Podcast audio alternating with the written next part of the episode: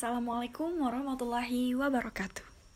Selamat pagi, selamat siang, selamat sore, selamat malam, atau kapan pun kalian sedang mendengarkan podcastku ini. Salam sejahtera untuk kita semua. Semoga sehat selalu untuk teman-teman semua dan jangan lupa untuk tetap mematuhi protokol kesehatan agar pandemi COVID-19 ini cepat berlalu. Sebelumnya, perkenalkan lagi, Nama aku Rehatunida dengan NIM 2011111 dari kelompok 4 Troklearis, Fakultas Kedokteran Gigi Universitas Lambung Mangkurat. Pada podcast kali ini, yang ingin aku bahas adalah tentang kewirausahaan. Kira-kira apa sih yang langsung kita tangkap dan kita pikirkan ketika kita mendengar atau membaca kata kewirausahaan? Kewirausahaan berarti suatu proses di mana seseorang atau sekelompok orang menciptakan sesuatu yang baru dengan cara yang kreatif dan inovatif. Yang mana kewirausahaan ini akan memberikan nilai positif serta manfaat bagi pelaku serta bagi orang lain. Biasanya, kewirausahaan identik dengan penghasilan berupa materi yang akan didapat sebagai hasil daripada kewirausahaan ini sendiri. Usaha berarti melakukan sesuatu atas dasar tujuan yang ingin dicapai.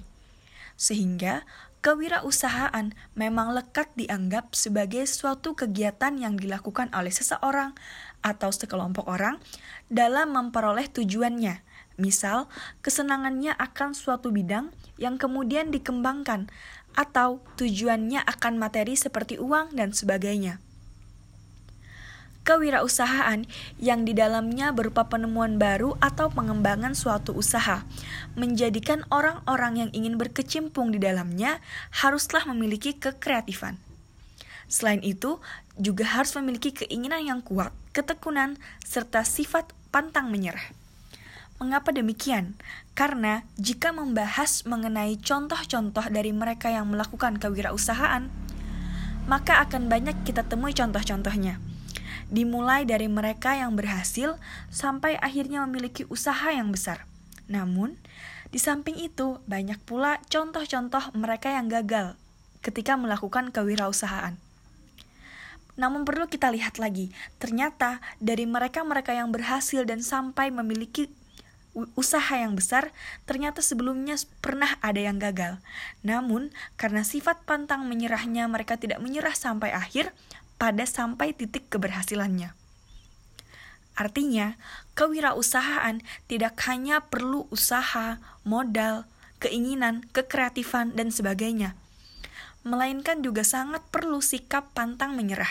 Sehingga, sekalipun kita berwirausaha namun gagal, maka sejatinya akan ada kesempatan baru selama kita tidak menyerah dan terus berusaha. Kewirausahaan dapat dilakukan oleh siapa saja, oleh kapan saja, dan di mana saja. Peluang kewirausahaan itu sangat terbuka, Apabila kita memiliki keinginan yang kuat dan sifat pantang menyerah, maka sejatinya kewirausahaan dapat kita lakukan. Mungkin sekian dari saya.